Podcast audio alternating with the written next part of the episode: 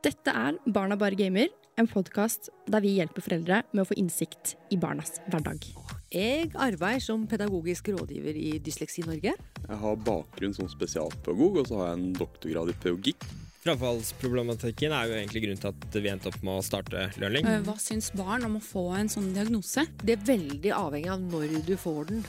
Eh, Rundt 25% av elever fullfører ikke eh, videregående skole. En av de viktigste tinga som skolen på en måte kan bidra med, er nettopp å gi de mestringsopplevelsene. For det er så viktig å forstå at læringspotensialet er, er, er jo absolutt til stede her. Hva er det vi som ikke har barn engang, kan lære foreldre om deres barn?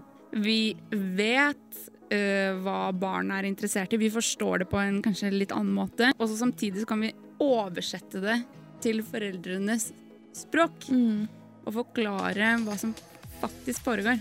Så vi har jo lyst til å dele litt av vår kunnskap og innsikt, men også lære litt med foreldre og invitere gjester som kan masse om forskjellige temaer som eh, barn eh, møter hver dag, og gå den veien sammen.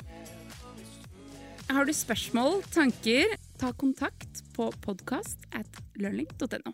Barna bare gamer er produsert av Kubrix for Learning.